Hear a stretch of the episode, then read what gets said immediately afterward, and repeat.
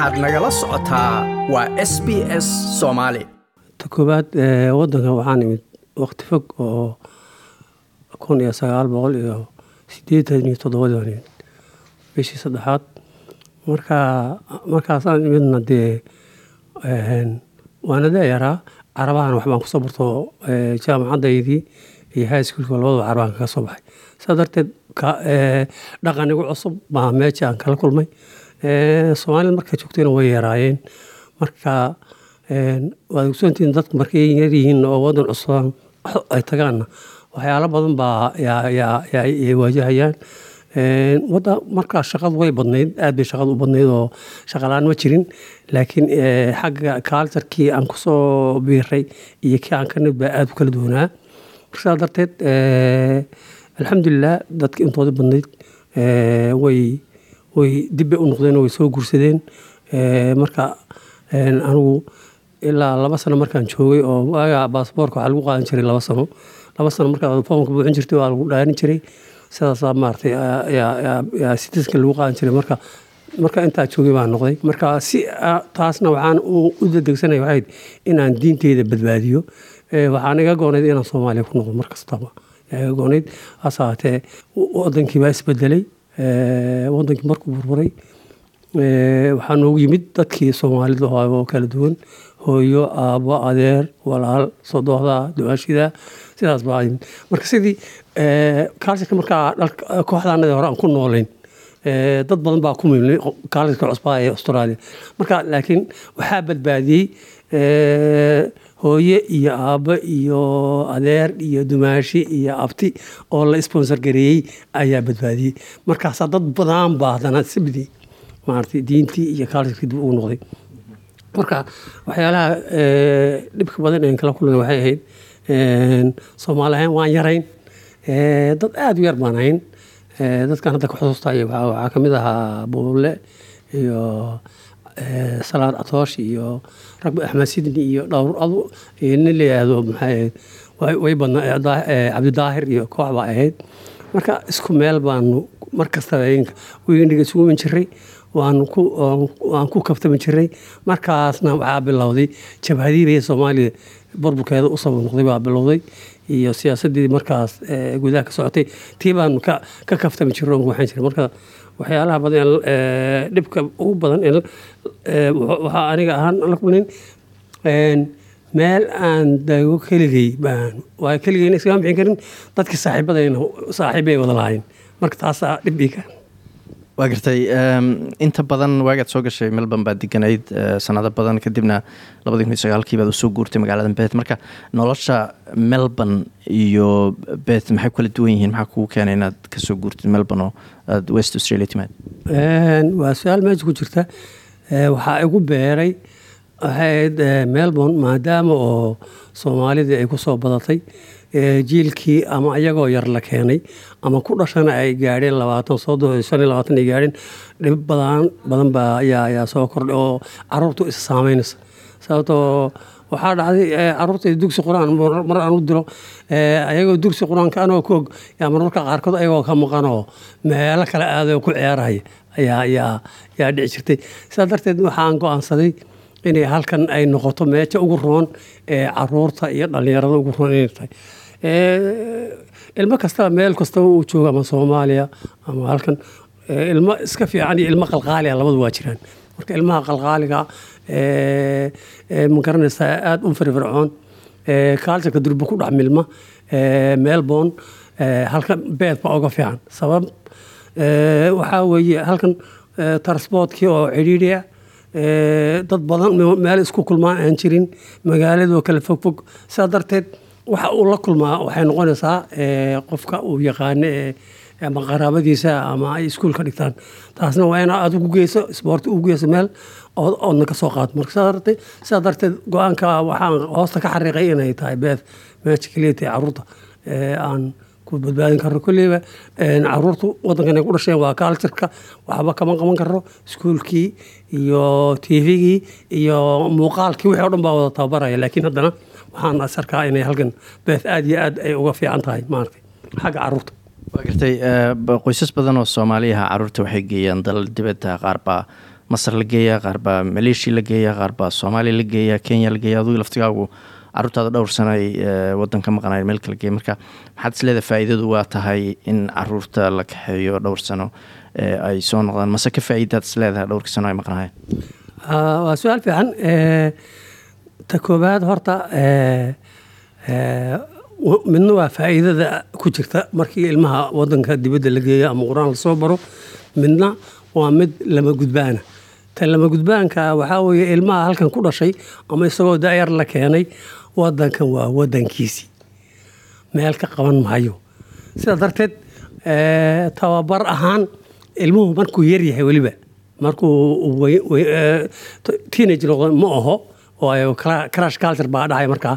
Markuu yaryahay in wadanka la geeyo qur'aanka soo barto oo cultureka soo barto eeyeye iyo habaryar iyo eedo soo barto saa way fiican tahay ummadaha badan oo hadda turki ka mid yihiin way samayn jireen waagii hore. Ilaa aminkana way sameeyaan.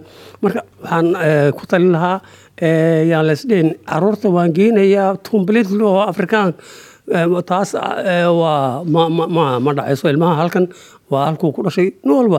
Hadda inteenan hadda soomaalida ee dadka waaweyne ninkii xamar ku dhashay oo ku koray xamar buu jecel yahay inuu noloshiisa inta ku dhamayso kii hargeysa ku dhalay sidoo kale halkaas inuu ku dhamayso nin bal magaalada uu ku dhashay ee ku soo barbaaray ayuu jecel yahay inuu koro sida carruurtuna waa sidoo kale. Marka laakiin anigu waan ka faa'idaystay carruurtii hadda waan kaxeeyey qur'aanka ilaa saddex baa soo dhamaysay. Ha soo dhamaysay haddii haddana way halmaamayaan laakiin yacni waxaa weeye waxay soo barteen duusi qur'aanka waxay soo barteen sida loo subciyo waxay soo barteen discibliinka soomaalidu ay carruurta ay maarata wax qaabka loo bar. Sidaa darteed bay ka faa'iideen. Marka intaas faa'iida baan ka qabaa. Waa gartay marka la fiiriyo waqtigii aad timida soomaalidu ku yarayd kadib soomaali badan baa timid. Ragga soomaalida intooda badan waxaad moodaa in taxi baa aada loo wadi jiray. Weli hadda taxi baad wadaasaan u fahmay. Maxaad is leedahay sababta ma xirfado kaloo lagu shaqaystaan jirin ma taxiga faa-iidooyin gaaray soomaalida weliba raggu ka arkeen? Maxaad is leedahay sababta?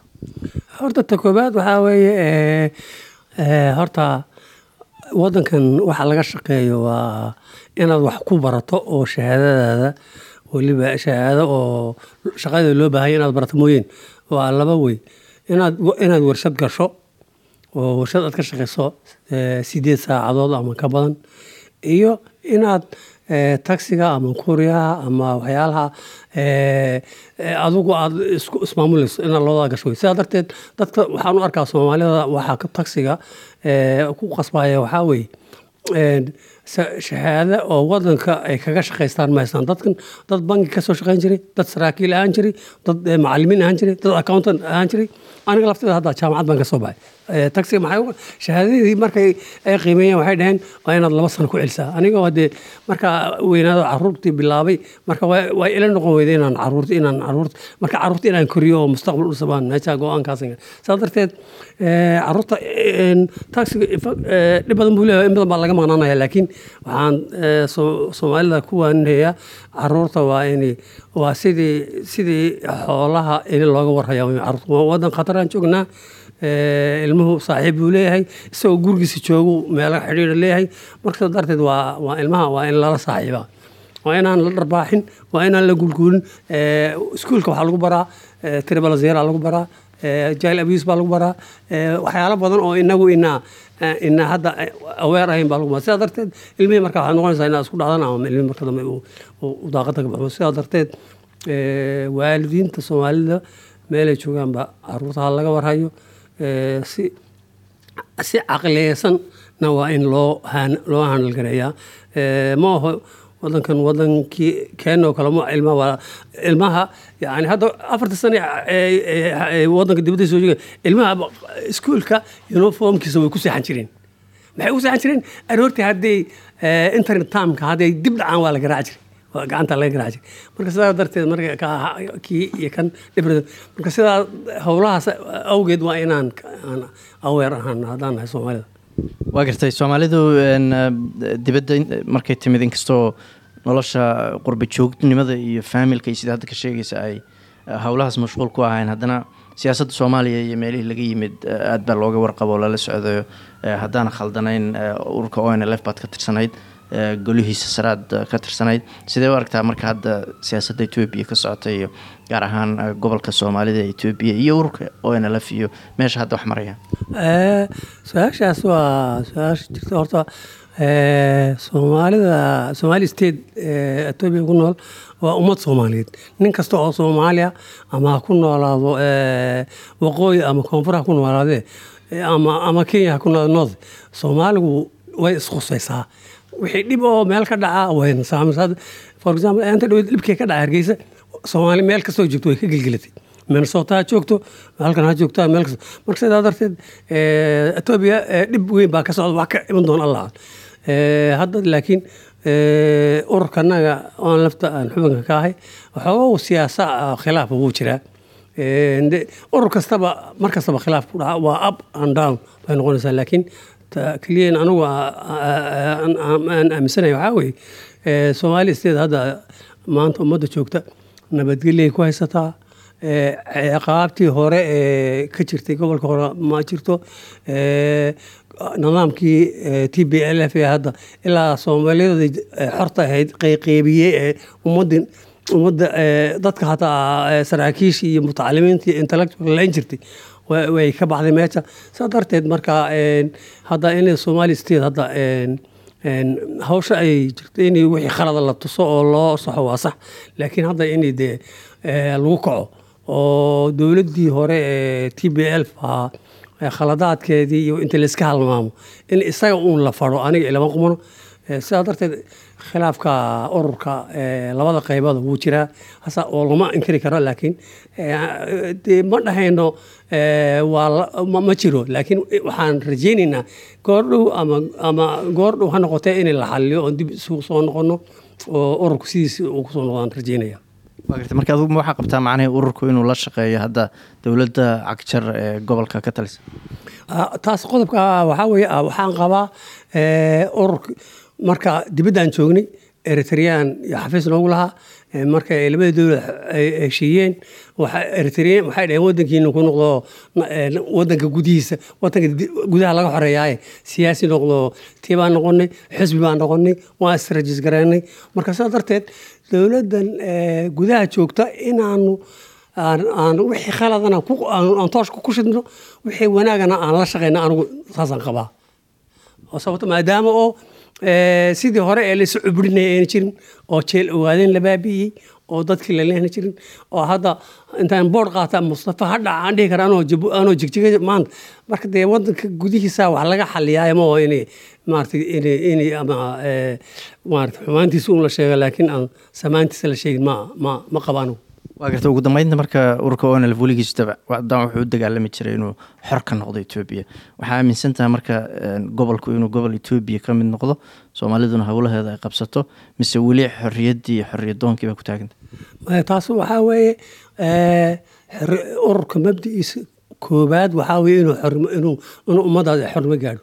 Marka waxaa taas taas marka waa lama gudbaan. Ummadda soomaaliyeed inaan yani dastuurka adduunka international iyo etoobiya qaba inaan aayahan ka qofka inuu qof walku inuu aayaysi ka tashado waxaa qaba adduunka o dhan baa qaba. Taasaan aaminsanay. Like as la wadaag wax ka dheh lana soco barta facebooka ee sb s soomaali